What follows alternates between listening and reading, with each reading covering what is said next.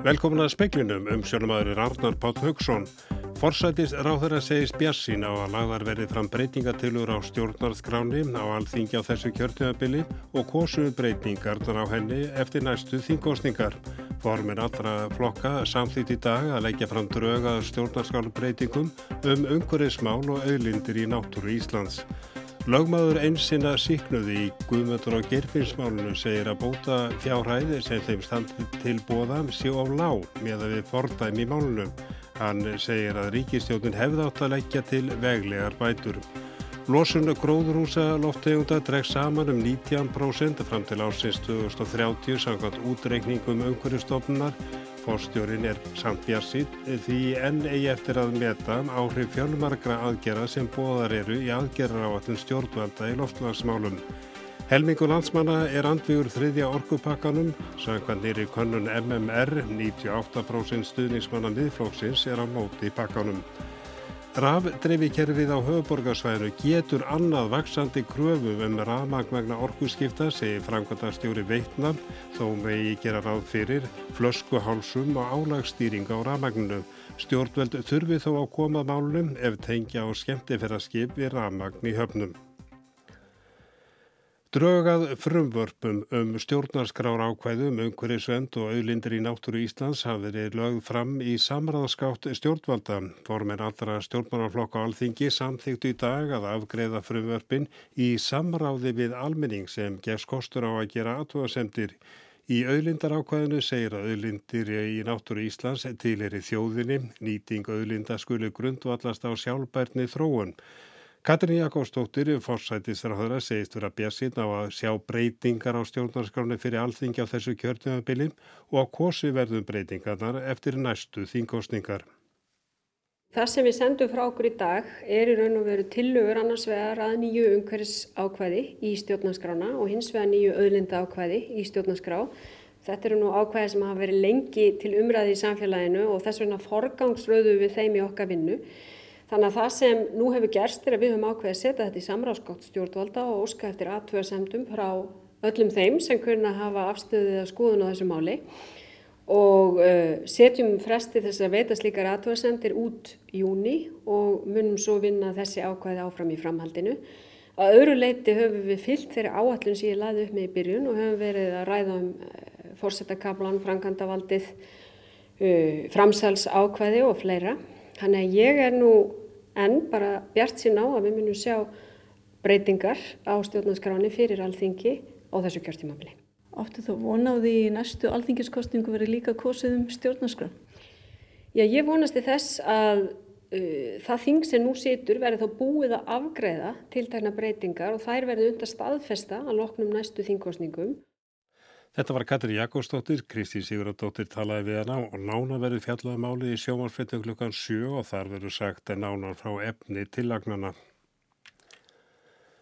Fyrverandi sagbortningum í Guðmundar og Gerfinnsmálunu hefur ekki verið gert formið tilbóðum bótagreislur. Lagmaður einsina síknuðum segir að fyrirhuga bætu séu engu samræmi við fordæmi í sama máli.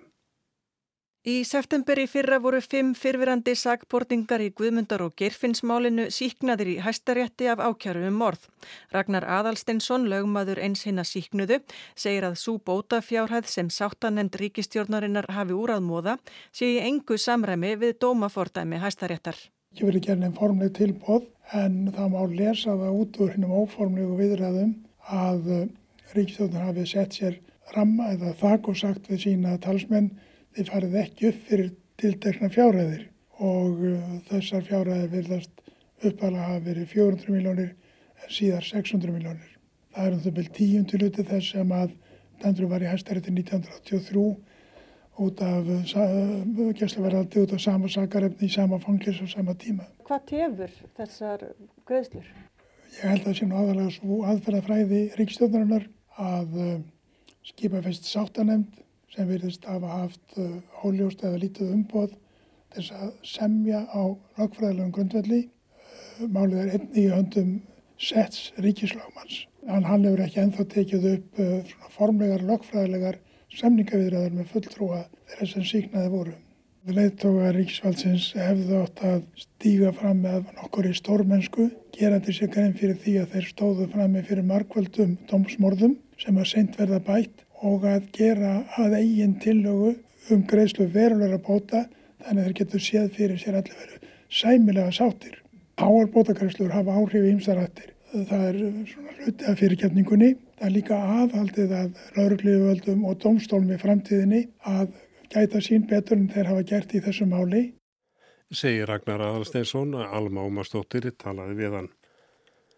Samkvæmt framreikningi umhverjastofnar á losun gróðrúsaloftegunda til ásins 2030 sem Parísasankomulagi miðast við mun losun hér á landi draga saman um 19% meða við 2005. Ísland hefur skuldbundi sér til að tryggja að samtráttunni verða minnstakosti 29%. Eftir á að reikn út áhrif fjölmarkra þátt að aðgerra áallinu lókslagsmál en eh, segja þessa tölur að við séum mjög langt frá því að ná Parísasankomulegin á næstu tíu árum. Nei, segir Kristi Linda Ornadóttir, fástjóri umhverjastofnunar. Nei, en hún segir okkur hvað við erum komin langt með uh, að meta þær aðgerðir sem að eru nú þegar tímasettar búið að ákveða að fara í og búið að fjármagna.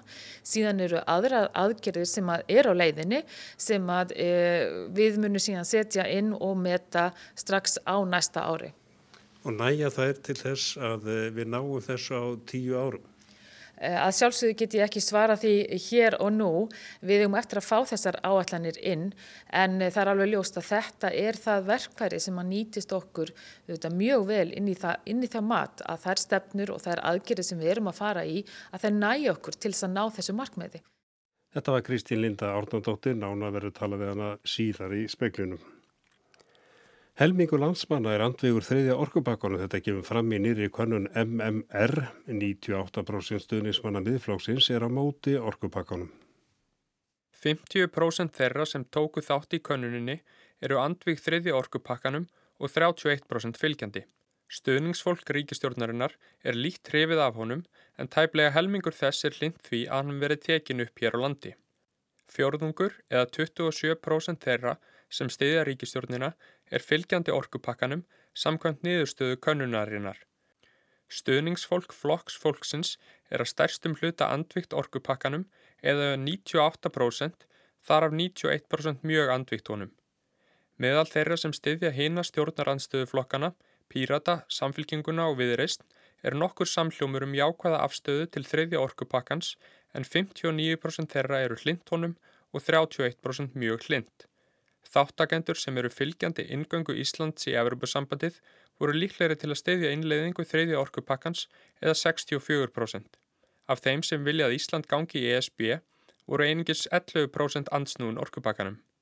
Alls tók 941, 18 ára eldri, þátt í könnun MMR sem gerð var 30. april til 3. mæ. Þorvarður Pálsson saði frá.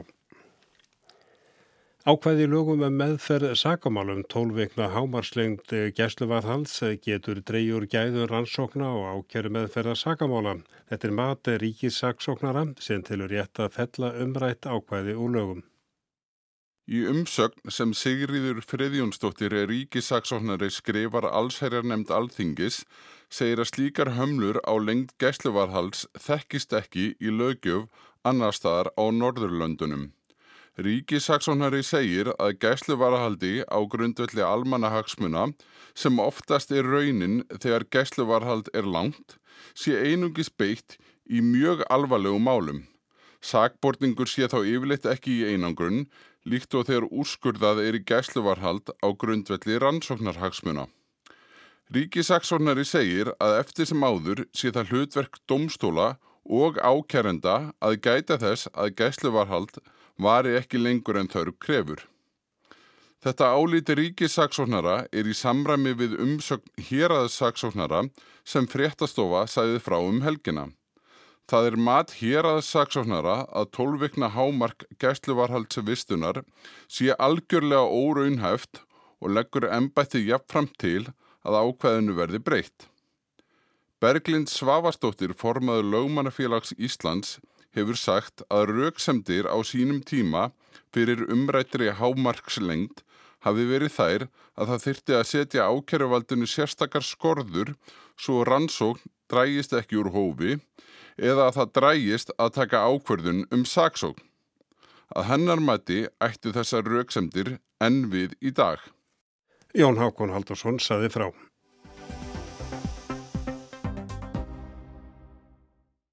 Samdráttur í gróðrúsaloftegundum verður 19% fram til ásins 2030 og 28% fram til ásins 2035 samkvæmt útreikningum umhverjastofnunar meða við árið 2005. Þetta kemur fram í skýslu sem stofnunin hefur sendt Evrópusambandinu um stöð og horfur í lofslagsaðgerðum á Íslandi. Ísland hefur skuldbundið sig til að samdráttur í losun verði að minnstakosti 29% fram til ásins 2030, samkvæmt Parísasankomlæginum. Í skýslunni var einungis hægt að meta 6 aðgerðir af 34 í aðgerðar áallum stjórnvalda í lofslagsmálum vegna þess að enná eftir að útfæra í tölum aðrar aðgerðir. Kristi Linda Árnadóttir, fástjóri umhverjastofnunar, segir að skýslan síni einungis áhrif þeirra aðgerða sem hafa verið ákveðnar og hafa verið metnar út frá losun gróðrúsaloftegundan.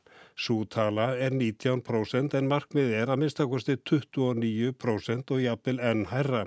Það er hins vegar fullt af öðrum aðgerðum sem á eftir að reikna. Þess vegna hefur umhverfstofnun tekið svo ákvörðun að þrátt fyrir við eigum ekki að skila næstu skýslu fyrir en eftir tvö ár, ætlum við að gera aðra skýslu eftir eitt ár til þess að fá inn eh, meðal annars betur inn aðgerða á allin ríkistjórnarinnar og aðgerðir annara aðila. En það að segja það að þessi tala um að Þessi framreikningur sýnir það að eh, samdrátturinn verður þar að segja eh, sá sem eru ábyrð ríkisins og miðast við Parísinsamkómulagi hann verður 19% fram til ásins 2030 að það sé enn meira í spílánum til að reikna út. Já, svo sannlega. Það er enn meira í spilunum og við erum að vonast til þess að e, með útgáfi þessara skýslu, eins og ég segi, fyrsta skýslan sem hefur verið gefin út, að þá munum við e, bæði að fá, fá þá aðela sem eru í verkefnum til þess að vera betri í að setja nákvæmar tölur á þau verkefni og svo vitum við þetta að, að aðgerða allan ríkistjórnarinnar eru þetta á fullri ferð. Þannig að við erum vonað því að geta strax á næsta árið sett e, fleiri aðgerðir inn í þessa skýslu. En getur maður samt sem áður sagt það að eh, með að við 19% samdrátt fram til ásins 2030 að eh, þó að koma ykkur annað til að eh, við séum talsveit langt frá því að ná þessu markmiðum? Ég held að við getum alveg sagt það að, að það þurfið þetta mikið til þess að ná 29% samdrætti í þeim geirum sem við þurfum að takast á við og það hefur auðvitað leiði fyrir í langan tíma. Það sem þessi skýsla sínur okkur fyrst og fremst eh, hvar við stöndum nákvæmlega núna miða við þær aðgerðir sem að við höfum geta reiknað út og tímasett og mikilvægi þess að við reiknum út og tímasetjum næstu áallanir þannig að við séum traust og trúverður í þeirrum áallunum sem við erum að gera. En svona þitt bara mats eh, að útfara því sem þú veist uh, nú þegar þó sé ekki reikna út á bladi að við þurfum að ná uh, 29% samdrætti að lámarki, jafnvel 40% samdrætti, finnst þér líklegt að Ísland nái þessum? Eh, mér finnst það ekki bara líklegt, ég held að það kom bara ekkert annað til greina. Og þegar við tökum á okkur slík verkefni að þá trú ég því að við munum skila þeim. En til þess að við getum skilað árangri innan þeirra tímamarka sem við höfum að þá þurfum við svona verkværi til þess að ít okkur áfram og horfast í augu við þann veruleika sem við erum með í, í dag. Eh, Skíslandu er kannski einn á sér, þarf ekki eitthvað meira til, til þess að við náum markmiðum? Jú, svo sannlega. Þessi skýsla er í raun og veru bara framreikningur á þeim aðgerðum eh, sem eru mælanlegar á tímasettur og búið að samþykja og hún auðvitað fer síðan til þeirra aðila sem er að búa til þessar áallanir og þess vegna og íturundi mikilvægi þess að við setjum þessar mælanlegu og tímasettu áallanir í gang. Eh, en þarf ekki eitthvað öflugra til að íta af stað þeim aðgerðum sem að eru í aðgerðar áallinu? Þarf ekki eitthvað að kvata til að eh, það verði gripi til aðgerða? Jú og það þarf við þetta fjármagn, það þarf ákvarðanir og uh, við vitum að það er auk, mjög aukið fjármagn að koma í loftslagsmálinn en við vitum líka að sveitafélög hafa sínt þessu málefni miklu meira áhuga heldur en ég hef nokkuð tíman uh, upplifað áður. Fyrirtækin er að koma mjög upplugin í þetta líka og þannig að þetta er auðvitað stórt samfélagslegt verkefni Og, en það sem að finna núna að menn eru búin að átta sig á að þetta er ekki spurningum stóru stefnunan, þetta er spurningum aðgerðir og hvernig við breytum okkar innviðum til framtíðar. Samkvæmt útreikningum umhverjastofnar verður losunin á í hámarki 2021 og fer svo hjana. Losun frá stóriði og mittilandaflugi er ekki inn í markmiðum Íslands vegna Parísa sangumleið. Svo losun er ekki inn í því lofslags bókaldi. Miða við 2005 munur losum frá stóriðju aukast um 13% fram til ásins 2030. Einni er ekki nema mjög litileiti tekið til bindingar frá landnotkun og breytrar landnotkunar í samdrættinum á gróðurhúsaloftegundum sem er á ábyrg stjórnvalda og telur í Parísa samkómuleginu. Ekki svo mikið inn í þessi svo kvöldu 29% samdrættamarkmið en hins verður skiptaðu gríðarlega miklu máli varandi það að ná uh, jættvægi í losun og bindingu uh, þessara gróðurhúsaloftegunda frá landnotkun. Þetta var Kristín Linda Árnandóttir. Inga Dóra Rólstóttir, frangundastjóri Veitna, segir að rafdreifikerfið á höfuborgarsvæðinu geti annað vaksandi kröfum um rafmagn vegna orkurskiptana. Gera meira á fyrir flöskuhálsum og nöysilegt sé að álagstýra notkunni. Ríkisvaldi þurfi hins vegar að koma að málunum ef tengja á til dæmi skemmtiverðarskip við rafmagn í höfnum. Fyrsta skemmtiferðarskipið Astoria kom til landsins í mars. Í gær lagðist Marco Polo að bryggju á Akureyri og Celebrity Reflection í höfn í Reykjavík. Þetta er bara byrjunin því gert er ráð fyrir að skemmtiferðarskip leggist 199 sinnum að höfnum faksaflóa hafna í sumar með samtals um 188.962 farþega. Mikil mengun fylgir þessum skipum en gert er ráð fyrir rafvæðingu hafnana í aðgerðar áætlun í loslagsmálum. Atvinnuvega og nýsköpunarráðuneytið gaf út skýrslu í janúar um orkuskipti í íslenskum höfnum þar sem sérstök áhersla er lögð á raftengingu til skipa. Veitur sjá um raforku dreifingu á höfuborgarsvæðinu. Inga Dóra segir að faksaflóa hafnir séu tilbúnar fyrir rafvæðingu smerri skipa. En þegar við erum að tala um stærri skip þá þurfa þau, til dæmis skemmtifæra skip, þá þurfa þau mikinn ströym í mjög stuttan tíma í rauninni og þær fjárfræstingar eru kannski ekki, ekki hafkamar beint svona vennulega fjárfræslega mælikvarða þannig að uh, það þarf að byggja upp kerfið í, ef við erum að hugsa um starri skipin og þar vona maður náttúrulega ríkisfaldi komið inn í og sérstaklega vegna þess að þau hafa eirnamært fyrir í loftlagsmál í aðgera áallum sinni, sinni og þau koma vonandi inn í þessu verkefni sem þarf til til þess að þetta verði mögulegt. Ekki er hægt að tengja stór skip við þær tengingar sem er í höfnum landsins núna. Þar er einungis gert ráð fyrir láspennu tenglum. Skemtiferðarskip þurfa háspennu og til þess að það sé hægt verður að reysa af veitu stöð. Og uh, það er kannski fjárfæstingu upp á 1 miljard. Þannig að það er tölverst sem sem að þarf að gera en þetta er alls ekki óeyfistíganlegt mál. Þetta er mjög sérstakka tengingar að þetta er svo gríðarlegu ströymir í stuttan tíma. Þetta er eins og fá heilt bæjarfélag inn í mjög stuttan tíma og svo ferða bara. Inga Dóra segir að vel gangi með önnur orkuskipti. Og vissulega er kerfið þannig að, að hérna það geta verið vandamál á einhverjum stökum stað en það er það bara, en í heilt sinni þá er í rauninni þetta rafdreifi kerfið vel í stakk búið til að takast á við orkuskipti í samgangum hér á okkar svæði og uh, við bara fögnum fjölgun rafbíla og virkilega hvetjum til þess og sem dæmi vorum við að gera samkominlag við Reykjavík og Borg um, uh, um að leggja til tengingar í stöðvar eða hlæðslu stöðvar við vinnustadi í Reykjavík og eins í stæðum sem eru nálagt eða er í hverfum þann sem er lítið um bílastæði inn á lóðum hjá fólki. Þannig að það eitt að minnst okkur að hvetja til þess að fólk fái sér e, rafbíl og það er náttúrulega líka í bóði fyrir önnur sveitafjölu ef að þau vilja að ganga til samstags við okkur um eitthvað svipaverkefni. Hvað eru þetta margar stöðar eða og hvað er kostnæður við þetta? Það eru eitthvað 30 um stöðar og svo eru við að tala um inn í hverfónum 20 á, á hverju ári. Þannig að þessar stöðar sem eru við vinnustadi, ég ger aðferð að það sé eitthvað kringum 25 miljónir eitthvað svo leiks. Þetta eru hérna í raunum 90 stöðar sem eru áformaðar og hérna á næstu þreymur árum. Veitur sjáum að tengja hlæðslustöðarnar við ramagn. Borgin sér um yfirbors frágang og svo taka einhverjir aðrir að sér að setja upp stöðarnar og reka þær.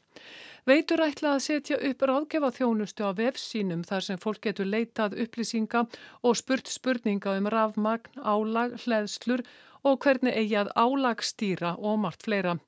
Inga Dóra segir að engin stór vandamál hafi komið upp vegna vaksandi kröfum raforku vegna orkuskiptana.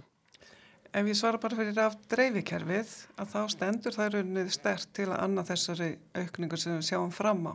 En hins vegar þarf að byggja upp á einhverju stöðum, það sem eru flöskuhálsar, en svo erum við náttúrulega líka að horfa til þess að álagstýra í nótkunninni. Þannig að til dæmis með rafbíla að fólk stingi samband og hlaðir rafbílinn þegar önnur nótkun er lítill. Þannig að það er eiginlega vinn-vinn fyrir alla aðila við, við hérna, getum minga þessa uppbygginga þörf og álag styrt þá þannig að e, notkunum verður jafnari yfir sólaringin. Er við þá ekkert að sjá fram á tíma þar sem að álagi verða mikið að ramagni fyrir af og svona? Nei, en eins og ég sagði á þann að þá gæti verið mjög staðbundi vandamál ef að allir í botlangunum fá sér Tesla sko, að þá, þá getur verið að horfast hérna eitthvað stapundi vandamál í því og þá hérna um, þurfum við kannski að fara í eitthvað styrkingar á kerfum á, á þeim stöðum. Við erum alls ekki að fara að grafa upp borgina til þess að gera það. Þetta var Inga Dóra Rólstóttir, Bergljótt Baldurstóttir, talaði við hana. Viðskiptaveldi Donalds Trumps byggist á síndarveruleika eða leiktjöldum. Hann var orðin raunveruleika stjarnar áður en sjónvarpið fór að snúast um slíkar personur. Hann baðaði sig í sviðsljósinu sem farsæl viðskipta jöfur en skattaskýslur sem The New York Times hefur byrt sína að hann tapaði meira en miljardi bandaríkjadala á einum áratug.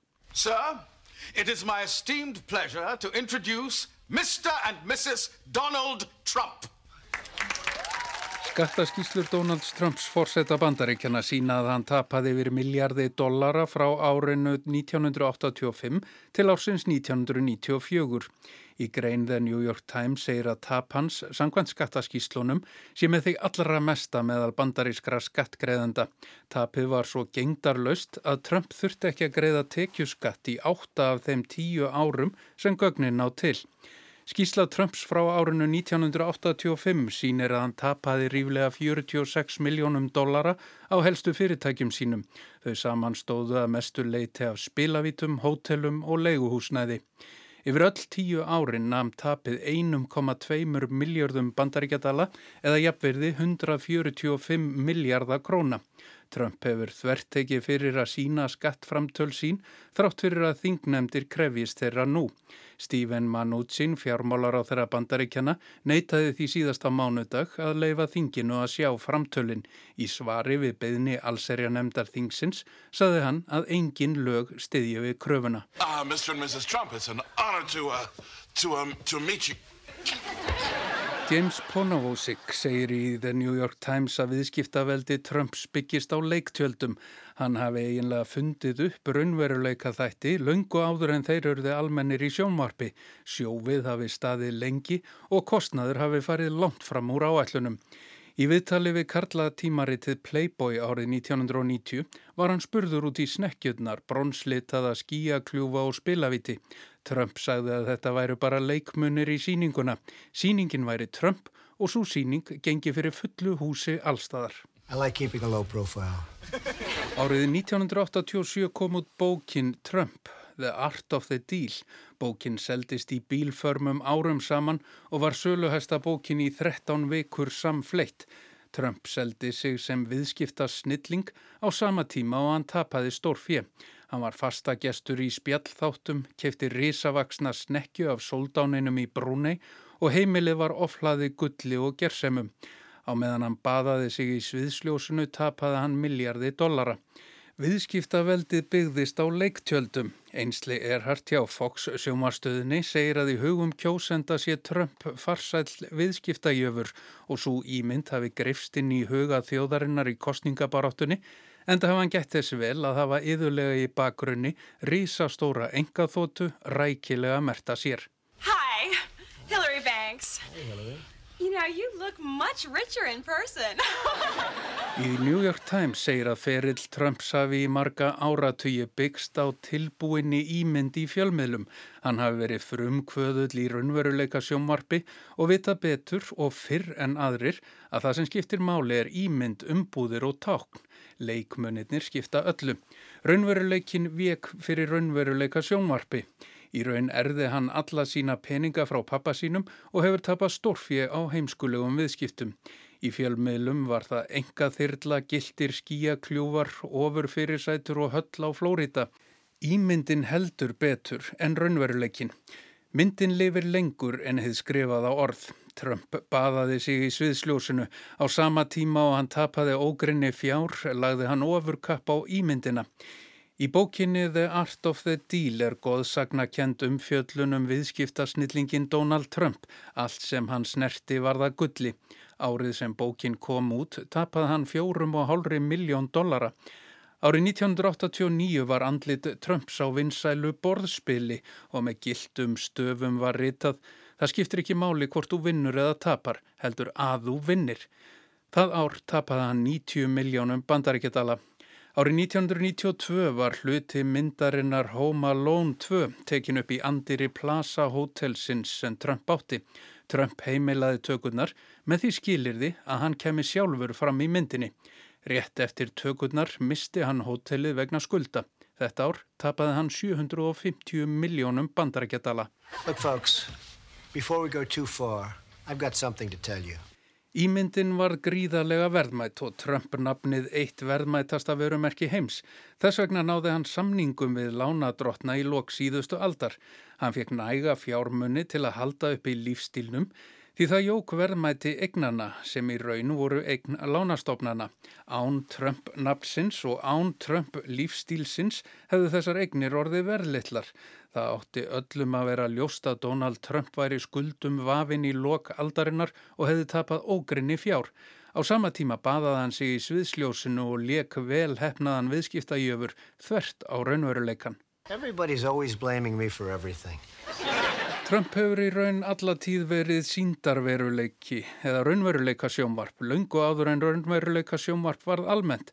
Hann var því sjálf kjörin í sjónvarsþáttin Apprentice eða Lærlingin. Á skjánum virtist hann moldríkur og allir vildu vera eins og hann. Það sem sérst á skjánum skiptir máli, ekki hvað endurskoðandin segir. Í rúman áratug var Trump á skjánum sem hinn moldríki viðskipta mógull og sá síndarveruleiki satt í þjóðinni, ekki raunveruleikin sem var allur annar. Þessi síndarveruleiki fleitti Donald Trump alla leið í valdamesta ennbætti veraldar.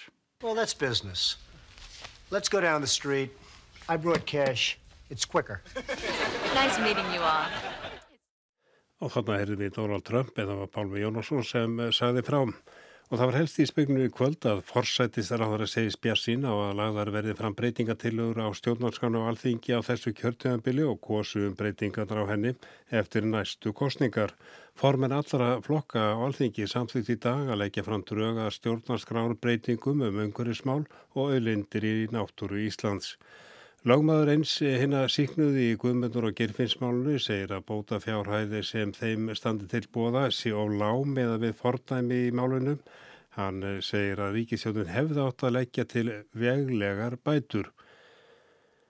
Lósun gróðrúsa loftegunda dregst saman um 19% fram til ásins 2030 samkvæmt útreikningum umhverjastofnunar. Fástjórin er samt bjassinn því enni eftir að meta áhrif fjölmargra aðgerða um bóðar, sem bóðar eru í aðgerra á allum stjórnvalda í lofslagsmálum. Helmíkur landsmanna er andbyggur þriðja orkupakkanum, þetta kemur fram í nýri konun MMR. En það er ekki fleira í speklunni kvöldu tæknumæður var Mark Eldred, verið sæl og góða helgi.